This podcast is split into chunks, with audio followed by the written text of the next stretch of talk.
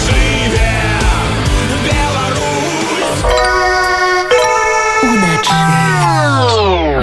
Бег зямлі напярэдадні новага года ў беларускім моладзевым хабе прагучаў канцэрт містэрыя беларускай арт-рэзідэнцыі дом творцаў. Гэта новы праект Сергея Доўгушава. У першую музычную рэзідэнцыю ён запрасіў маладых людзей, большасць з якіх вымушана выехалі з Беларусі пасля падзей 2020. Амаль усе яны прафесійныя выканаўцы і менавіта для іх кампазітары Вольга Падгайская і Віталь Эпаў напісалі калядную містэрыю. Дарэчы, ігралі не толькі па нотах, урокі імправізацыі рэзідэнтам даваў Алексей Варсоба. Атрымалася тры дні музычнага інтэнсіву. Амаль увесь снежань маладыя беларусы варшавы, вроцлава вільні і нават Берліна вучыліся свабоднай імправізацыі і, з'яднаўшыся ў аркестр, рыхтавалі да прэм'еры твор, прысвечаны адвечнай гісторыі стварэння свету.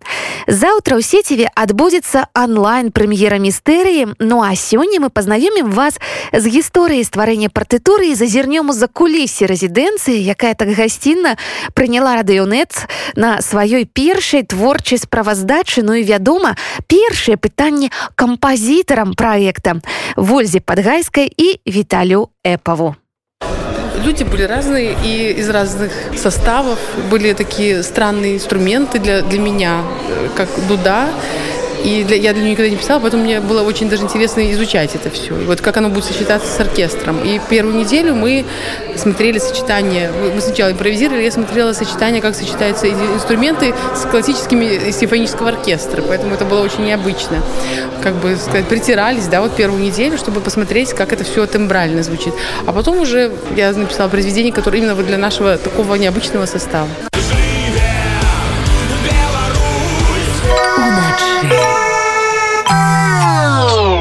Мы сделали такой материал, который а, назвали мистерией, потому что Новый год мы решили сделать что-то такое как мистическое. То есть у нас основная цель — это сотворение мира, но при этом такое а, физическое, да, это вот там теория большого взрыва, и мы пытались в музыке всю цивилизацию показать, как она рождалась, как происходили какие-то там а, действия, условно говоря, на Земле, любовь, война, там какие-то взаимоотношения людей и исчезновение этой цивилизации. То есть вот у нас такая большая задумка, которую меня, мы ее музыкально решили вот в течение 50 минут показать.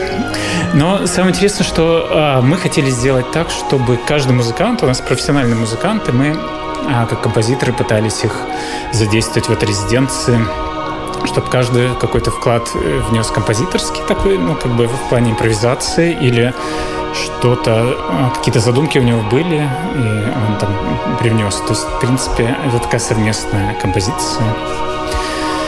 Ну, есть а, вещи, которые сочинены Олей Подгайской, мной ну, и Алексеем Варсобой то, что мы смогли. На самом деле есть пару вещей, которые вот впервые исполняются, специально для этого написаны Ольгой, там, мной.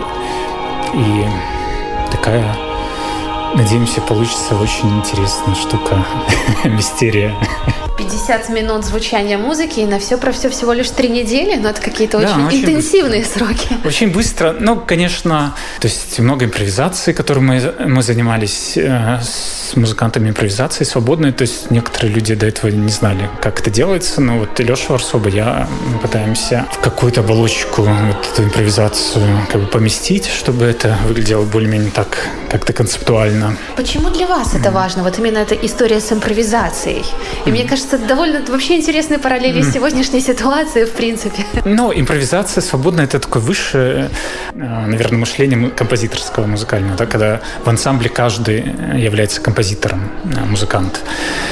А, но для того, чтобы получился какой-то продукт более-менее интересный, конечно, у каждого музыканта должен быть опыт, как это делается. Ну и, во-первых, умение импровизировать, расковывать человека. То есть он открывает новые горизонты, это композиторские, во-первых, техники осваивает. И и свобода инструмента, да, то есть вот, например, консерваторские многие музыканты умеют, когда им говоришь импровизируй, они играют гаммы, потому что они не знают, что такое свобода, они просто как бы пытаются играть то, что им известно, это гаммы, какие-то куски произведения, а вот э, из этого вырвать человека, когда он ломает себе, это такой очень интересный процесс, и как бы многие люди вот уходят в это, уже не возвращаются потом нормально, но как бы импровизация это на самом деле очень большой космос, который который мы пытаемся показать. Ну вот, собственно, три недели. Уже понятно, что ушли не только на изучение текста нотного, не только на введение в импровизацию. Вот еще ведь какие-то были, наверное, сверхзадачи. Ну да, основная цель резиденции – это как раз дать людям, которые оказались в эмиграции, временное, ну, время передохнуть и вместе сделать какие-то вещи, потому что ну, сейчас такая для музыкантов сложная, ну, как и для всех людей. Люди оказываются в чужой а, как бы атмосфере, да, и как бы не с кем играть, например, да, то есть нарушены все эти связи. И мы даем такую вот э, да, как бы возможность видеться людям, которые живут в Варшаве, те, которые приехали из Беларуси. Но сейчас белорусы уже раскиданы по, по многим странам, да, вокруг Беларуси таким кольцом. Да, кто из Литвы, кто из Украины приехал, из Польши очень много. Живе Беларусь ночи па нотах і без то бок у адвольнай імправізацыі мастацтва спантаннасці а яшчэ свабоды асабліва сімвалічна ў кантэксце проекта разважае выкладчык арт-рэзідэнцыі дом творцаў вядомы беларускі акардыаніст Алексей варсоба Приехали музыканты, белорусы из разных стран. Я так понимаю, что часть была в Польше, часть была в Германии, кто-то был в Литве, кто-то приехал из Беларуси. И создался новый коллектив, арт-резиденция. А, за месяц, за три недели мы сделали вот это концертное выступление, которое состоит из нескольких произведений Ольги Подгайской, нескольких произведений а, Виталия Эпова и моих. Но моих это сложно сказать, потому что я занимался импровизацией. Я провел четыре занятия по импровизации и участвовал в э, сборных репетициях оркестра. Ну и вот сегодня будет одна из таких частей свободной стопроцентной импровизации. Вот когда нет такой роскоши поработать э, полгода, семестр, год, а всего четыре занятия, эм, какие-то акценты и о чем вы в первую очередь говорили? А, в первую очередь я говорила введение похоже на то, что я говорил во время одной из передач. Но это было более подробно, с примерами и с пробами звука. И это было самое главное и самое сложное. А все остальное происходило потом. Мне потом многие говорили, что у них уже перевернулись уши. Для меня это большое счастье. Можно это как-то объяснить, перевести на человеческий язык, перевернуть уши? Э, наверное, нужен просто подробный разговор на эту тему. Но вообще, когда ты замечаешь, что звучит, осознанно слушаешь и понимаешь, что звучит, понимаешь, что слышат твои барабанные перепонки, что они регистрируют. Были разные инструменты, совершенно разные ребята. Природа импровизации, она универсальна для разных инструментов, либо все-таки есть нюансы? Как да, да, она универсальна, потому что она касается не инструмента, а человека. И, в общем-то, в этом дело. Я безумно рад тому, что это случилось. Это очень важно. И я уже говорил тысячу раз, и еще раз повторю. Я на сайте Белорусской Академии музыки увидел одно упоминание импровизации. Там в каком-то там 15 году часть ребят, по-моему, 6 человек, поехали в Академию музыки в Мальмо и получили там недельный курс импровизации. И то, что эта резиденция посвящена импровизации, для меня это безумное счастье. Это безумно важно для Беларуси. Ну вось сапраўды для пераважнай большасці ўдзельнікаў арт-рэзідэнцыі мастацтва імправізацыі было новай старонкай у жыцці але былі ў праекце тыя хто займаецца свабоднай музыкай прафесійна прыцягваем знаёміцца з арт-рэзідэнтамі Ну, меня зовут Григорий, я саксофонист, играю на саксофоне, и на резиденцию я приехал из Вильнюса, потому что там я сейчас обучаюсь в магистратуре на отделении импровизационной современной музыки. Э, из Беларуси я, получается, переехал почти уже 4 месяца назад. Вот, собственно, когда узнал, что резиденция будет Э, посвященный как раз современной музыке, то я заполнил заявку, и вот я здесь, а тут куча моих друзей и знакомых. Это очень здорово. Что здесь происходило? Три недели, и насколько это был, вот правда, интересным и важным для вас опыт? Было интересно для меня в первую очередь повзаимодействовать с белорусскими музыкантами, вот как раз-таки в теме современной музыки, потому что э, в Беларуси это э, направление вообще никак не развивается, и таких музыкантов единицы. Я ну, очень рад, что вот Алексей Версоба проводил презентационные такие ну, лекции и практические занятия. Это было очень здорово, потому что как раз вот в Вильнюсе я сейчас этим и занимаюсь. То есть для меня это как вот э, дополнительный такой дополнительный опыт именно в кругу белорусских музыкантов это очень здорово. Это, это вообще супер, я бы сказал. А в Беларуси где вы учились? Я заканчивал Академию музыки. Потом я отрабатывал. Путь самый стандартный был. Ну, до этого я ездил тоже периодически. Ездил на стажировку в Ригу раньше, и благодаря этому я, собственно, и знаком был с преподавателями из Литвы, то есть э, все было взаимосвязано. Вот. Ну и на самом деле очень рад, что сейчас я не в Беларуси. Ну вот, собственно, вырвавшись из этих академических рамок, и сейчас Вильнюс — это совсем другая среда музыкальная. Э, ну, раньше я тоже этим занимался. Я занимался этим даже в проектах, в проектах с Машей Колесниковой. В ОК-16 мы делали как раз-таки там перформансы, и я всегда там участвовал. Но, э, скажем так, это было больше интуитивно. Я когда-то тоже взаимодействовал с такими музыкантами, слушал много, и это было как бы интуитивно. Сейчас я моя основная цель была, конечно, это больше осмыслить. И конкретно в Вильнюсе я попал куда надо. Вот, и мне очень нравится потом взаимодействие с литовскими музыкантами. Это происходит, потому что я там учусь. И когда ты учишься, ты сразу попадаешь в тусовку музыкантов. Это немного проще, если ты переезжаешь просто. Вот, просто переезжаешь и ищешь какие-то там контакты. Вот. Поэтому ну, для меня это здорово. То есть, да, я был в академических кругах, сейчас играю больше современную музыку, а точнее импровизационную. А импровизация это, это вообще отдельный жанр. Некоторые думают, что импровизация сразу, когда саксофон, импровизация, значит джаз. Э, то есть я не играю джаз, я занимаюсь просто импровизацией, это отдельный жанр. Очень интересный и очень сейчас э, полезный, особенно для белорусов, я думаю. Кроме того, что музыка действительно объединяет, и она более совершенный язык, чем наша речь. То есть он сразу идет, э, музыка идет в подсознание, только потом наш мозг начинает осознавать, а что же это происходит. То есть это сразу идет вот куда-то внутрь. Вот, это первое. А второе, это, конечно, когда все играют что-то такое абстрактное, непонятное, это еще больше объединяет людей. То есть такой, ну, не тимбилдинг, но это очень здорово, потому что все, для всех это новый опыт, и, естественно, новый опыт всех объединяет. Вот. Без всяких предрассудков, когда вот если мы что-то ставили, какое-нибудь концертное произведение, все были бы свои мнения. Здесь все в одной лодке, все с, э, примерно на одном уровне как бы понимания, и это очень здорово. В общем, с хорошими впечатлениями уедете в Литву. Да, конечно. Буду там рассказывать. Меня там спрашивали, о, серьезно, конечно. Ну, меня отпустили. Ну, это не сессия еще, но смысл в том, что, да, все поняли и отпустили вот сюда на все это время. Вот, очень здорово. Музыка інструментальная, а яшчэ для вакала і для голаса. Заўтра на онлайн-прэм'еры мы ўбачым і пачуем яшчэ адну ўдзельніцу арт-рэзідэнцыі, актрысу і спявачку Дар'ю Новік.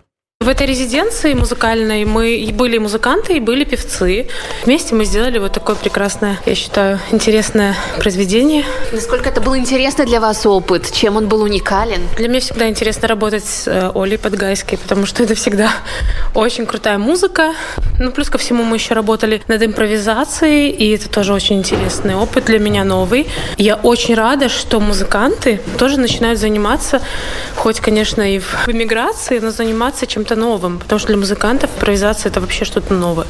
Все-таки актеры частенько находятся в таком состоянии импровизации, так как у меня второе образование актерское, и я еще актриса, поэтому для меня э, импровизация это не новость, но для музыкантов это ну, действительно такое что-то новое, необычное, и даже для певцов тоже. Поэтому, конечно, очень круто видеть, как музыканты делают что-то новое. Ясное дело, музыкальная импровизация и актерская это немножко разные вещи, но может быть это похоже похожее состояние.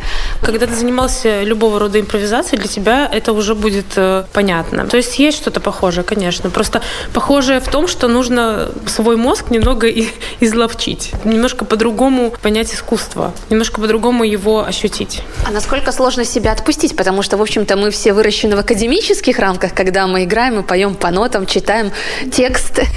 Тут еще зависит от того, кто работает над импровизацией и как подходит, э, как сказать, руководитель всем этим. То есть как этим руководить. Если отпустить людей и дать им свободу, мне кажется, что нам, как нам нужна всем свобода, да? Э, если дать людям свободу, то они намного проще и легче э, адаптируются к чему-то новому. Чем свободнее ты себя ощущаешь, тем ты больше можешь дать интересного, творческого, нового, необычного. А мы весь этот месяц наблюдали за новостями, которые приходили из арт-резиденции, но, в общем-то, не бывали в ее закулисье. А что, собственно, это собой представляло? Что это были за встречи? Где вы встречались? Сколько раз в неделю? Что это была за атмосфера прежде всего? Это было по-разному. Э, какие-то репетиции проходили здесь, какие-то проходили в доме. У нас есть дом, дом творцев, и там живут э, некоторые из наших резидентов. И плюс ко всему, иногда там проходят какие-то групповые репетиции, и даже одна репетиция на Рождество у нас как раз была там, в доме. Тоже была необычная атмосфера и очень интересная, потому что когда мало места, и когда это дом, все-таки немножко другая атмосфера, и тоже люди немножко освобождались и становились другими. Но можно сказать, что это был такой творческий интенсив? Да, конечно. Это как всегда. Если это есть или есть какой-то дедлайн, и когда мало времени, то, конечно, это интенсивно все происходит. Это несколько репетиций в неделю, почти каждый день, ну, не считая каких-то выходных. Жыве Беларусь уначы. Навіна пра тое, што ў варшаве з'явіцца беларускі дом творцаў з'явілася ў лістападзе. За гэты час у праекта дарэчы ўжо і пастаянная прапіска адным з галоўных адрасоў стаў беларускі моладзевы хаб. Менавіта там нагадаю і прагучала офлайн прэм'ера праекта ідэі якога нараджалася ў разваджаннях аб дапамозе беларусам, якія так раптоўна і вымушана апынуліся за мяжой. Цяпер жа выканаўцы спевакі мастакі акцёры змогуць прыязджаць у варшаву разам там жыць ствараць імправізаваць дзеліцца вынікамі рэзідэнцыі аўтар праекта сяржук доўгушаў першая рэзідэнцыя канешне на жаль сканчаецца яна вельмі шмат аб'яднала людзей і ну дала для музыкаў акрамя э, таких творчых нейкіх э, рэалізацый таксама дапамагла адпачыць знайсці новых сяброў адчуць сябе зноў такой адной творчай сям'ёй э, калі сабраліся музыкі з беларусі у варшаве і фіналам так стал наш канцэрт на які змог э, падарыць гэтаму свету сучасную беларускую музыку У нас э, на першую резиденцию было больше за 40 заявок. Э, скончился прием на наступную резиденцию. Каля 60 заявок. Хотели бы, конечно, запросить еще больше людей, але, на жаль, мы можем только, як завсёды, 20 человек для уделу в наступной резиденции. И это будет театральная резиденция, отказанная за театральную мастацкую частку у нас Юрий Диваков и Татьяна Дивакова.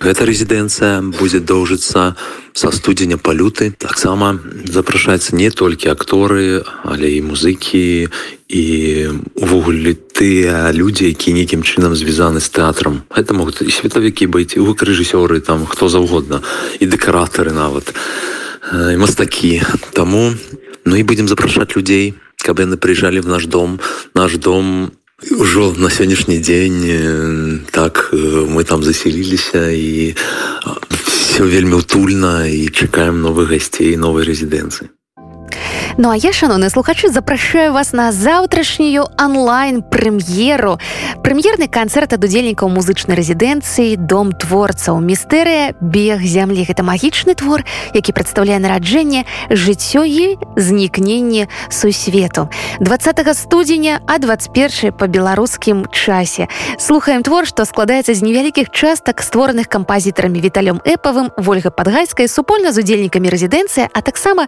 з вольных імправізацый адукацыі музыкаў распрацоўкай якіх займаўся Алексей варсоба. Ну а пакуль што запрашаю вас у сферу цішы. Менавіта так называется твор ольгі падгайскай кампазітаркі якая працавала на арт-рэзідэнцыі дом творцаў і музыку якой у тым ліку мы пачуем ужо заўтра а 21 нагадаю па беларускім часе на youtube канале музычнай арт-рэзідэнцыі дом творцаў Жи